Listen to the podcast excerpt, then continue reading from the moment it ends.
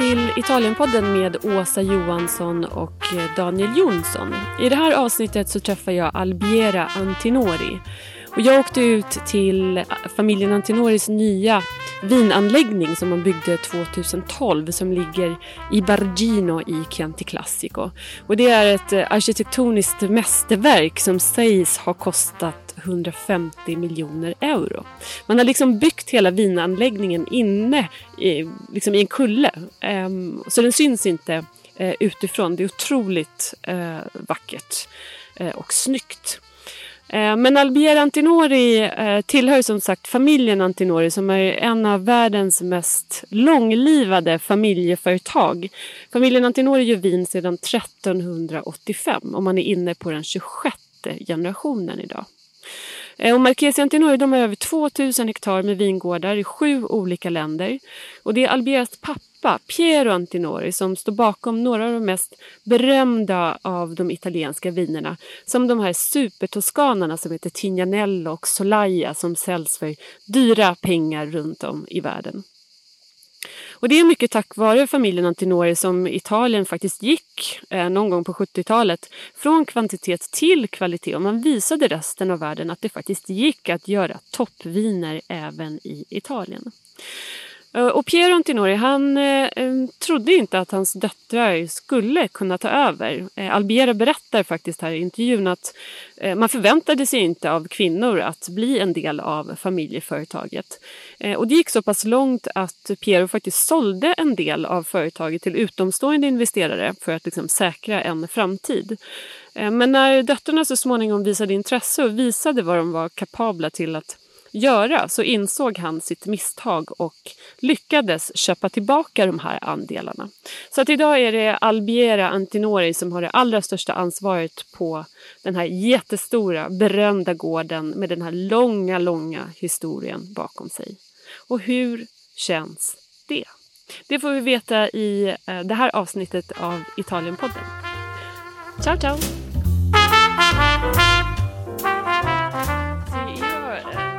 We have to speak speak English. English no? Yeah, we have to speak English, and I have to sit pretty close. Do you want to put it here? No, it's okay. I can hold it like this. Okay. It's okay. Um, so this is going to be an interview about the change of generation and how it is to enter as a daughter or a son in a in a company that someone else has created. Mm -hmm. Um, and you're from the Antinori family, one of the most important wine families in the world, mm -hmm. and that put Italy on, on the wine map uh, some 35, 40 years ago. Um, and what's your first memory uh, related to wine? First memories about wine are really go back to when I was quite small, going to the countryside, especially here in Tignanello, and being, what, six, seven years old and being allowed to have just a little bit of wine on a Sunday. Uh, at the time, mixed with water, but uh, that's probably my my first memories. Was it something that you knew from the beginning that you would enter the family business, or was it like a before and after? Was it growing on you with time, or was yeah. it expected by you? No, I don't. I don't think it was expected because uh, we are three sisters. And at the time, um, I'm not too sure my father really believed that girls would eventually enter um, uh, a world of, of business. Um, so there was no real pressure on that uh, on that side, which I guess helped. Uh, Why do you think it helped? Because one felt more free to decide whether you wanted or not, uh, and whether you felt comfortable or not. So um, I think that helped. And as I started working when I was very young, I really didn't think, felt no obligation, mm. and uh, didn't really, you know, worry too much whether it was going to function or not. Mm. And so, with the time coming along, it just seemed as it was a good dress mm. to be in. Mm. Because I, I, a couple of years ago, I interviewed your father, and mm -hmm. he told me that he actually sold a part of the company because he didn't believe that you yeah, and we your had we had partners. Yeah. yeah partners and then when he understood that uh, the three of you the three sisters could actually take over he with different operations complicated financial operations he actually got bought it back and what happened why did he start to believe that you could do it I guess because he saw the work in the field, no. So he saw that we are interested, and um, and so I guess you could see a, a, a line following, and uh, and that gave him uh, the enthusiasm of uh, of taking it back from uh, the partners. Um, so that's what happened, and in fact, I guess it worked well because still um, my two sisters and me work in the company, and um, we've got uh, six in the next generation, and um, my son has started working in September. My daughter is finishing her master in viticulture and enology. Um, my younger sister, um, her daughter is studying um, hospitality, which is a business that is, developing. And her uh, son is studying business, so he might uh, he might come on board too. So it's it seems that the future is uh, is ensured. That's wonderful. And what is what is the biggest difference to have like a family company like yours? It's really incredible. It dates back to 1385, like you said before. And if you com compare it to have a like a normal company, what's the biggest difference? Like running a family company like this and a non-family company. Well, I guess the biggest difference is the final objective. The final objective, uh, if it's only a company owned by shareholders who do not work in the company, has a um, a specific orientation. While if you have a family business, it, it is also a multi-purpose. It's not only the company, but it's also the the family lasting in the business. Plus, um, we are in a world of wine, so in a world of land, uh, and um, this is easier to keep the two things together, family and land, because there is a commitment that you are taught since you are small that you should take care of the land, and um, you have it in your in your DNA, in your blood. So the two things, wine owned, uh, w- wine wineries owned by families uh, do tend to have a uh, higher chance of sticking together for a longer time. Okay, uh, interesting. Because it's also quite, uh, or it is remarkable that um, you have over 2,000 hectares and you're working in seven countries in the world, if I'm not wrong. Seven countries, yeah, could be one, two, um, three, four, five, and Italy six. Yes, six. Six, okay. And then, Uh, there is also the humanitarian vineyard, humanitarian help vineyard in Kyrgyzstan. Yes, seven. Seven. Okay. Okay. correct. Good. Then I counted well yesterday. Yes. and and how it's really remarkable that you uh, is so connected to the land because when some when you talk about Antinori with colleagues and around the world, everyone says, "Oh, Tuscany," or you're.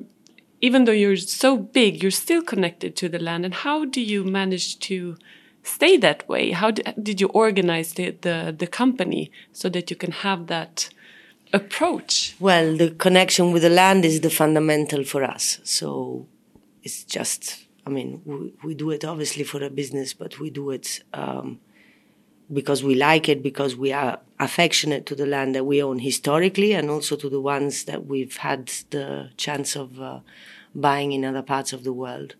Uh, for us, the land is the essence of of the business. So this is why we keep uh, connected. If a family owned wine business loses the connection with the land, I think you lose the biggest part of uh, of the of the soul of the business. And you, when you started as an um, 18 year old young woman to work in this company, um, what did you do? Where have you been working in the company throughout the years? I crossed all the fields. I started with uh, um, harvest in Castello della Sala in Umbria. This is where we make our white wines. And from there, from harvest uh, to the next spring uh, in the vineyards, to traveling around the world uh, to explain the wines that I had been doing, to uh, sales, to PR, to marketing, to finance. I mean, in family business, you cross a bit all uh, the aspects because the point is not to be too technical, but is to have a overall view of uh, of everything that is happening, and then you specialize in the things that even um, that your you know your your own person likes more. Uh, this is something that family businesses uh, allow is to develop also a personal. Um, a personal interest inside uh, the bigger picture. Mm. And um, in my case, it regards the um, the, strategic marketing and all the development of wineries and buildings. So mm. this is uh, what I've been doing in the past. Many years as a specific side that I particularly enjoy. And what do you see if you compare to your uh, father's generation um, and what are the challenges now uh, in the future that you can see that he didn't have to to work with in the same way? Well, I think the biggest uh, macroscopical change is um, whatever all the world that internet has has brought, um, which means um, information that are accessible to everybody, which means um, new channels uh, for sales, not only for informations, but for sales, which means uh, people traveling um, and being able to to access and come see in a different way that was before. Um, people wanting to see and to meet um, and touch with hand where the product is made so there is an opening to the final consumer that is very different than uh, what was 40 years ago, mm. in which wine was mostly sold um, through restaurants uh, and through the trade.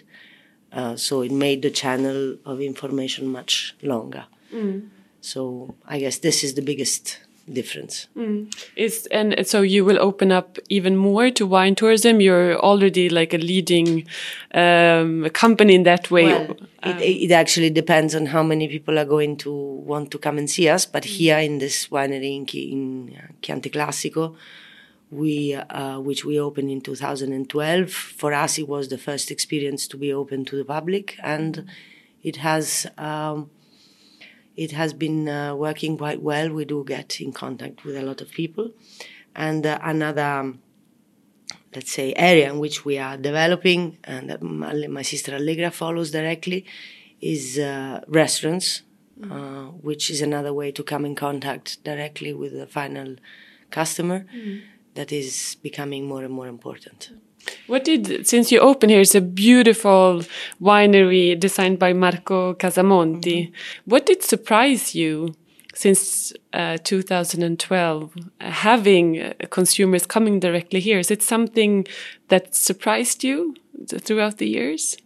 We uh, obviously thought that there would be um, uh, quite a few people could be interested, because if not, we wouldn't have done uh, we wouldn't have des- designed a winery that could be seen by the public without interfering uh, with the um, practical work of, uh, of the winery. So we were not really surprised.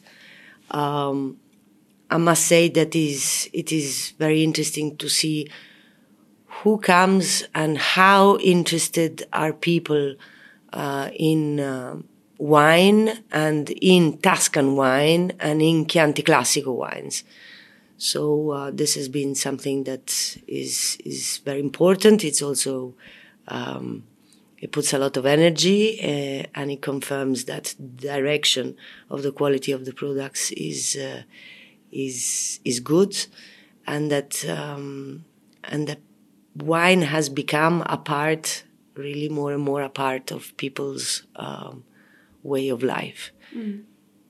And uh, also, there's also um, a more and more concentration um, on environmental issues like climate change and the natural wine movement and and so on. That is quite new if you compare to the long history of of Antinori. How how do you approach that as a as a big winery?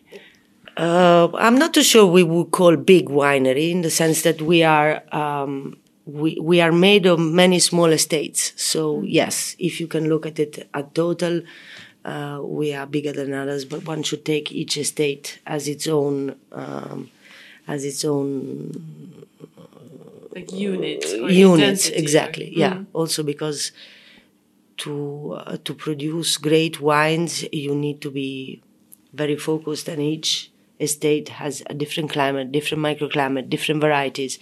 So we do uh, have each estate has its own winemaker, vineyard manager uh, that are really concentrated on getting to know that area and getting to do the best wine that comes from that specific place. So this is an important an important point. In terms of climate change, um, the climate is changing. The climate is becoming more extreme. This is with no doubt uh, in the sense that when it gets hot, it gets very hot.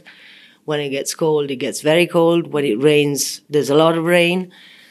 Um, we have always, having such a long history, we've always been um, with an attentive eye on uh, things that you should do in a countryside to face um, things that were changing. Um, I think probably the most in- important issue at the moment is to uh, make sure that the water is well managed. First, because it's precious. Second, because it can be it can, it can be devastating. So we do have uh, a particular attention on making sure that water is collected when there is, mm. and uh, vineyards are planted in a way that if it rains too much, the whole thing doesn't go down. So this is a very important aspect. Um, in terms of of being cautious about things and being sober.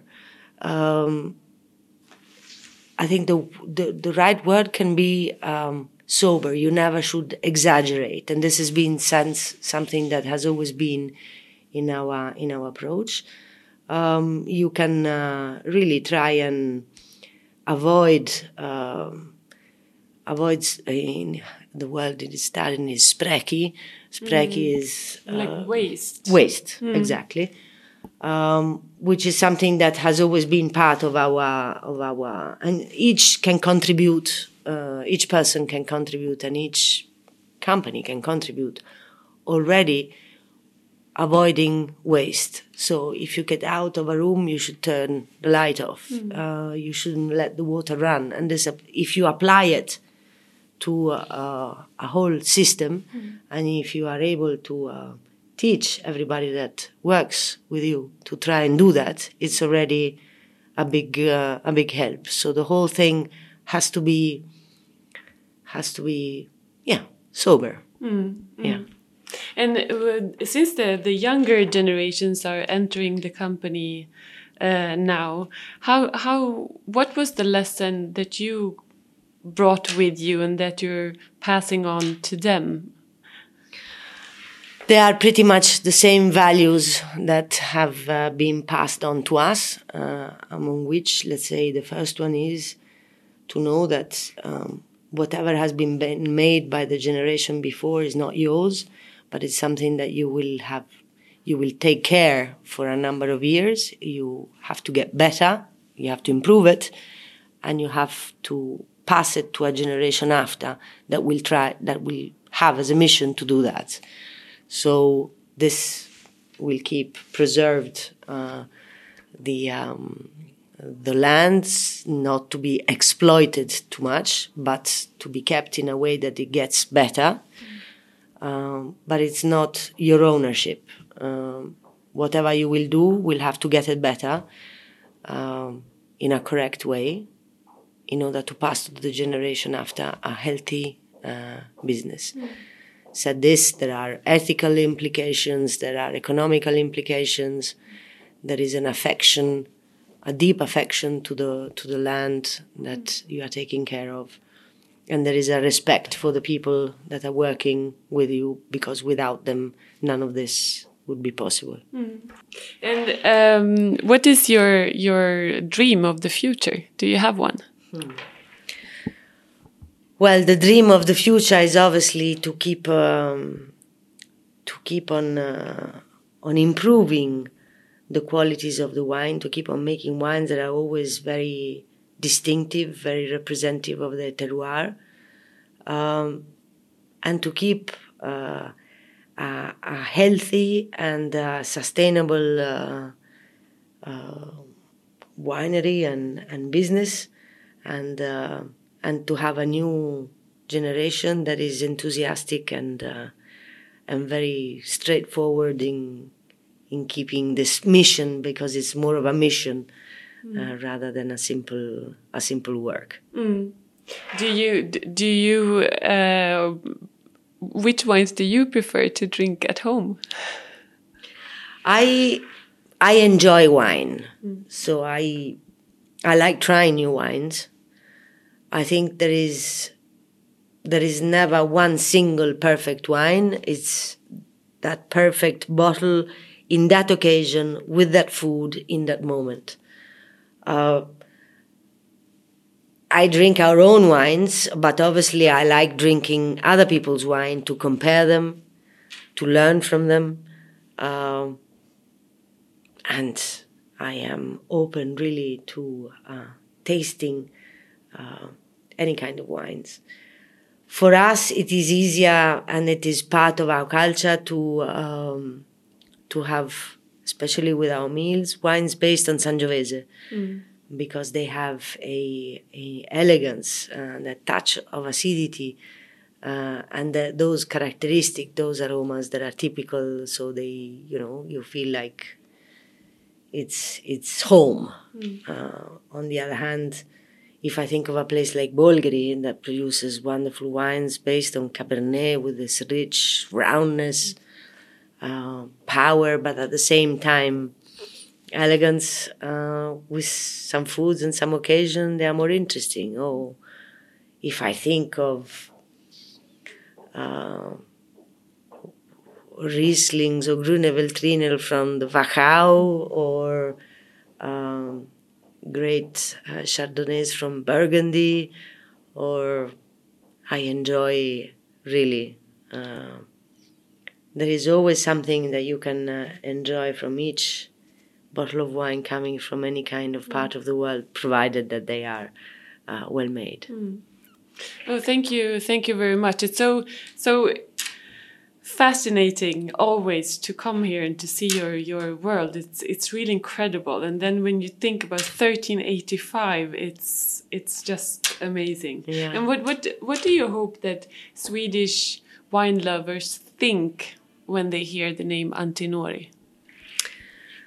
Um, I think um, I think the idea of um, buying and drinking a bottle of wine that represents Tuscany, that represents um, a good equilibrium between a strong tradition and a strong capability of innovate, but basing it on tradition. Mm.